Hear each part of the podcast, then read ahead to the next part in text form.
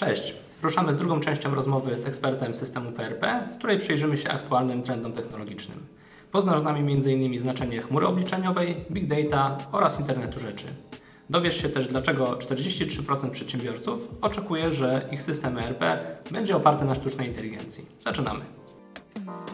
Rozmowy o IT to seria rozmów ekspertów w branży systemów ERP, którzy na co dzień pracują w polskiej firmie IT Integro o globalnym zasięgu. Jeśli szukasz informacji o rozwiązaniach dla firm, nowoczesnych technologiach czy trendach w biznesie, to ten podcast jest dla Ciebie.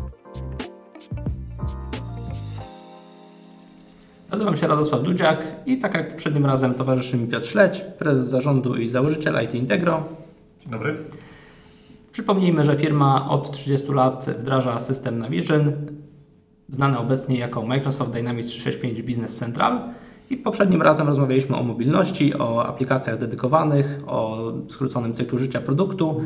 Jeżeli nie mieliście okazji zapoznać się z tą częścią rozmowy, to zapraszamy do odsłuchania. Panie Piotrze, kontynuując temat kluczowych technologii e, dla biznesu, e, chciałbym zapytać o chmurę obliczeniową, bo ponad połowa przedsiębiorstw w zeszłym roku wybrała tę wersję systemu RP. E, skąd taki rosnący trend, skąd rosnące zainteresowanie właśnie tą technologią? Pierwszy ubiegły rok był na tyle specyficzny, że dostępność produktów typu serwery czy w ogóle elektronika była ograniczona. Po drugie, możliwość instalacji indywidualnej serwerowni też była ograniczona. Tak? No tak. Było trudno, była trudność z, z mobilnością. W związku z tym to nasiliło zainteresowanie i wybór mm, chmury obliczeniowej jako tej platformy potrzebnej dla danej firmy mocy obliczeniowej. I oczywiście bazą do tego jest to, że sama chmura w sobie no, jest oczywiście pełną przestrzenią, pewną platformą dotyczącą, dającą miejsce dla aplikacji i dla danych. Tak? I drugim kluczowym elementem jest pełna integracja między aplikacjami, czy możliwość integracji i przesyłania tych danych, które oczywiście sobie y, będziemy życzyli. To, to wszystko, tak jak w przypadku ekosystemu Microsofta, jest takim elementem no, kluczowym e, w cyfryzacji, czyli integracja wszystkiego ze wszystkim. I tutaj faktycznie ta chmura no, daje dużo korzyści związanych z tą integracją. Oczywiście oprócz tego chmura jest bezpieczna, mimo obaw pewnych, pewnych klientów. E, po trzecie, to co mówiliśmy już w poprzednim odcinku, chmura daje wiele rozwiązań dedykowanych. Mamy AppSource, czyli taki sklep internetowy, w którym możemy dokupić aplikacje na chwilę, przetestować na przykład w naszym środowisku Microsoft Dynamics 365 e, Business Central już jest ponad 1000, e, 1000 aplikacji możliwych do zainstalowania, rozszerzających funkcjonalność. Tak? W innych obszarach Power Apps też jest ich kilkaset. Mhm. E, w aplikacjach w naszej rodziny Dynamics jest też już ponad, ponad 2000 innych aplikacji. Także ta dowolność wyboru jest, jest dość duża. Tak? Łatwość dostępu, szybkość i bezpieczeństwo. Okej, okay, no ale wciąż, wiem, że wciąż wiele osób i firm e, tak nieufnie patrzy na, na chmurę obliczeniową e, i też z badań wynika, że e, ponad połowa tych firm, które jednak nie wybrały chmury, jako powód podaje e, ryzyko utraty danych czy e, ryzyko naruszenia bezpieczeństwa. Czy faktycznie ta chmura jest bezpieczna? Dokładnie. 50% klientów mniej więcej obawia się o bezpieczeństwo, tak? czyli obawia mhm. się o to, że te dane zostaną ukradzione albo że y, dostęp dla niepożądanych osób do nawet do aplikacji będzie, będzie, będzie łatwiejszy. No zderzmy to z rzeczywistością, czyli jakie nakłady kreuje czy poczynia Microsoft, aby zabezpieczyć y, chmurę obliczeniową. W tej chwili tam mhm. pracuje ponad 3000 specjalistów. To są naprawdę miliony, miliardy dolarów w celu bezpieczeństwa. Te systemy chmurowe są permanentnie monitorowane, permanentnie optymalizowane. Są oczywiście też po prostu skutecznie zabezpieczone. I jak zderzymy to z, z lokalną serwerownią, no to niestety nie mogę się zgodzić z tym, z tym stwierdzeniem, że chmura jest niebezpieczna. No, pewnie niewiele firm może wydać tyle na bezpieczeństwo, co, co, co Microsoft. Dokładnie, tak po prostu jest. Także Microsoft ma świadomość, ile jest do stracenia i dlatego to bardzo, bardzo dba. Innym elementem, który wpływa na decyzję jest y, według badań około 20% przedsiębiorców czy decydentów no nie, ma, nie ma wiedzy na temat tej chmury, hmm. także są to pewne takie e, przekonania, tak, czy półświadome, półświadome opinie. No i to oczywiście jest praca nas, do- dostawców, żeby tych klientów uświadomić i żeby, żeby im pomóc w, w decyzji, która tak naprawdę jest ich decyzją biznesową i oczywiście ma pewne, pewne korzyści i pewne, pewne konsekwencje. Yy, Z kolei 15% yy, przedsiębiorców twierdzi, że koszty chmury są, są no, niekorzystne. Tak? Tutaj jest kwestia indywidualnej wyceny, moim zdaniem, yy, skali, o której rozmawiamy, tak? w zależności od potrzeb i też pełnej perspektywy tych kosztów z punktu widzenia lokalnej firmy. Tak? No, serwerownia chmurowa no, nie pobiera lokalnie prądu, tak? nie potrzebuje lokalnej klimatyzacji, nie potrzebuje lokalnego informatyka czy zewnętrznej firmy, także tak naprawdę trzeba te koszty też mierzyć w sposób taki e, rzeczywisty, tak? a, nie, a nie zakup licencji i serwera i to wszystko. E, Czy chmura w takim razie jest e, dla wszystkich? Kto najczęściej inwestuje w chmurę obecnie? Dla naszych biznesowych klientów to rzeczywiście można powiedzieć, że tak, jest dostępna dla wszystkich. Tutaj istotą jest skalowalność chmury, czyli możliwość tak przygotowania rozwiązania cyfrowego, by zaspokoić małą firmę, średnią lub dużą.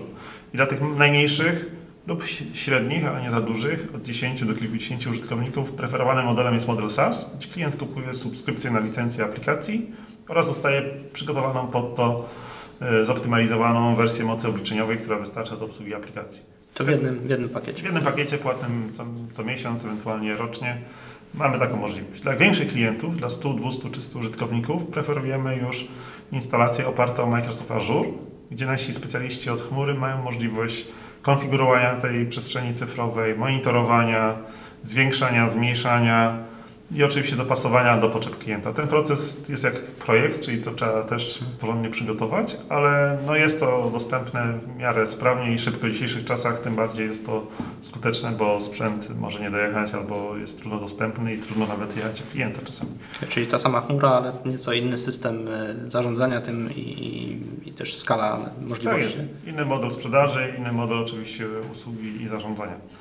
E, Idąc dalej, e, co się dzieje jak gdyby w szerszej przestrzeni naszych miast, no to dziś na- nasila się taka tendencja Smart City, czyli w oparciu o chmurę niektóre miasta strategicznie podjęły decyzję, że usługi, które świadczą e, swoim obywatelom, swoim mieszkańcom, będą, będą opierać o chmurę obliczeniową i tak się już zadziało w San Francisco, w Denver, w Taipei. E, To też jest jak gdyby fajne, bo powoduje ten sam problem, tak? Wiadomo, że struktury miejskie też są dość rozproszone, jest wiele urzędów, jest wiele, wiele organizacji, one są często e, z natury rzeczy mm, porozdzielane funkcyjnie, no i tutaj budowanie indywidualnych serwerowni jest kosztowne i nieefektywne. Idąc dalej, e, patrząc na, na pozycji państwa, tak? I w naszym kraju no, nasila się bardzo, mimo wszystko skuteczna jakaś tam tendencja cyfryzacji naszego życia jako obywateli. I tutaj pomaga znowu Microsoft. Microsoft zainwestuje, czy inwestuje w tej chwili w Polsce około miliarda dolarów w duże centrum obliczeniowe, w którym też y, znaczącą część tej mocy obliczeniowej jest przygotowane pod strategię cyfrowego państwa. Tak? I mamy tutaj już podobno podpisane czy zatwierdzone przez Ministerstwo Cyfryzacji y, konieczność wymiany czy tam zamiany lokalnych około 10 tysięcy serwerowni w różnych instytucjach rządowych y, na, na tą chmurę obliczeniową.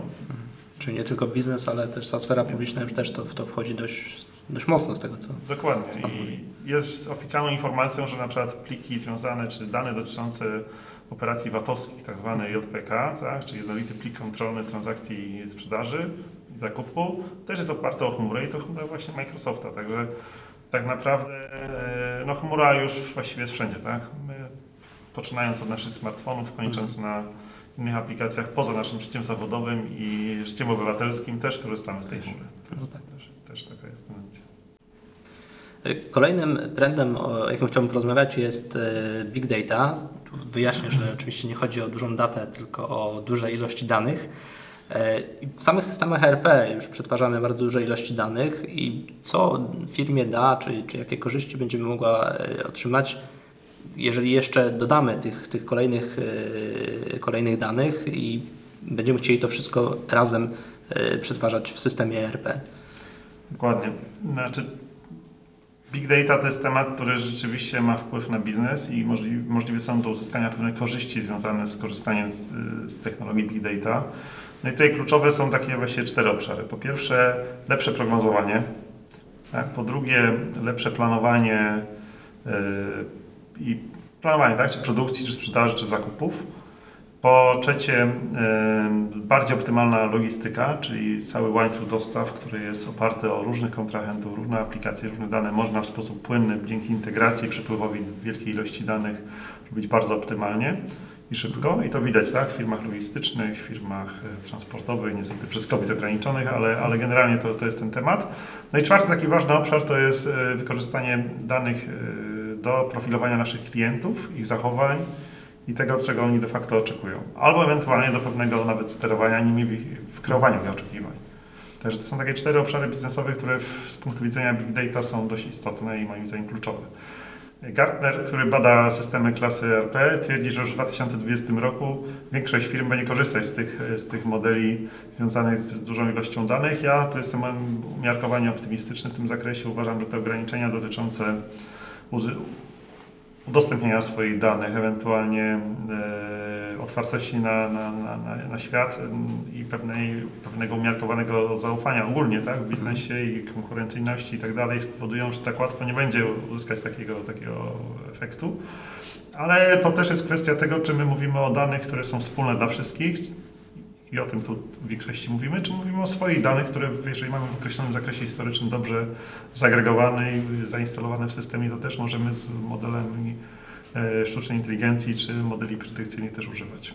Także Czyli, jest- czyli informacja dalej jest cenna, ale ważne jest też to, w jaki sposób tę informację uzyskamy i, i, i dalej przetworzymy. A jeżeli chodzi o e, właśnie później dalszą analizę tych danych, e, czyli, czyli analitykę, business intelligence, jak to wygląda w systemach ERP? Bo wiemy, że taka przykładowo analiza predykcyjna, e, czyli takie przewidywanie, e, jest też już tak znaczącym takim trendem. Czy w systemach ERP również się to już zaczyna pojawiać? Oczywiście to już w systemach e, takiej lepszej klasy, czy na przykład w naszym Dynamics 365 Business Central, no to już mamy pewne konkretne, konkretne modele predykcyjne, tak, czyli prognozowanie przyszłości. I tutaj to są te, na dziś takie dobre, fajne funkcjonalności związane z prognozowaniem płatności, tak, i z prognozowaniem e, magazynu, tak, i zakupu czy produkcji.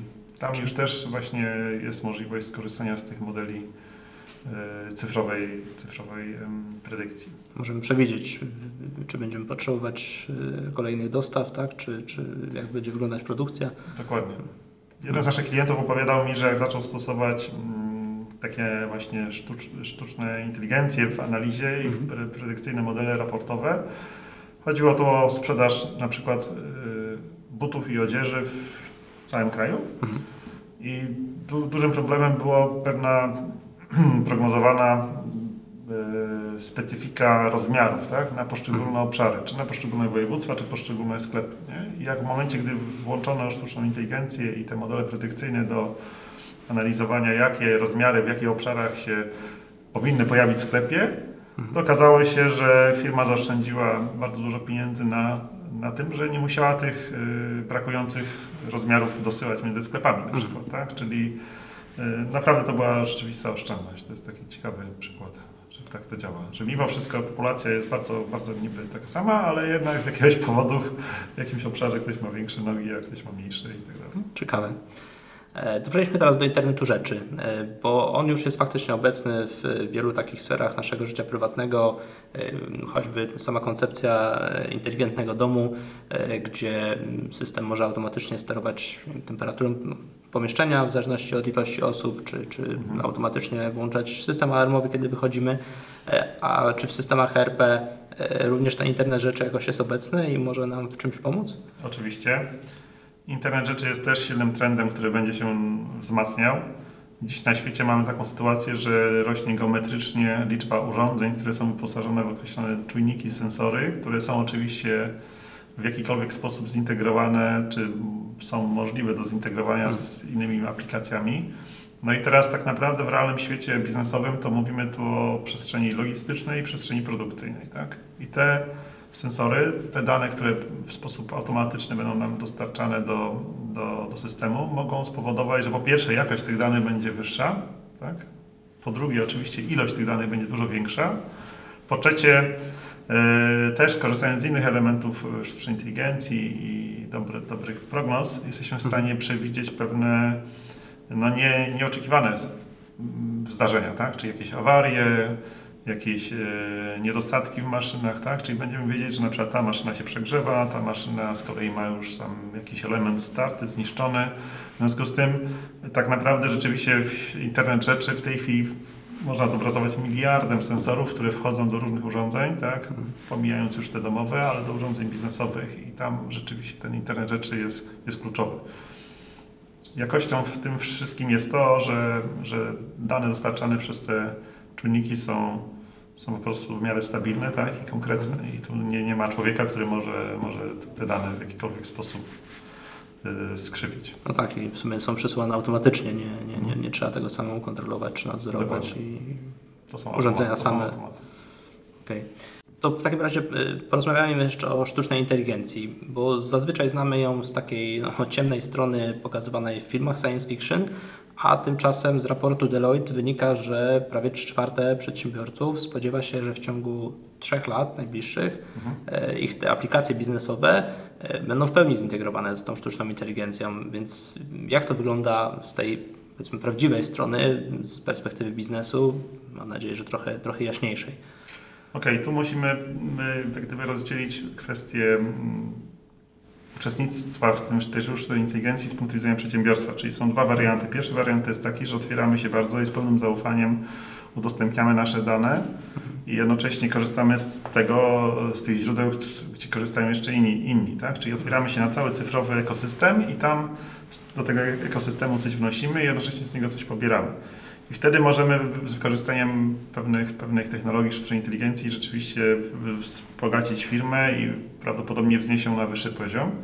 Drugie podejście jest takie, że wykorzystujemy mechanizmy sztucznej inteligencji na podstawie własnych, prywatnych danych. I to też jest ok, i to też jest pewna wartość i warto z tego skorzystać. Czyli mamy swoje dane, a pewne mechanizmy właśnie prognoz czy optymalizacyjne możemy, możemy też zaszyć w naszych systemach na podstawie naszych danych. Także to jest kwestia strategicznej decyzji, w którym kierunku idziemy.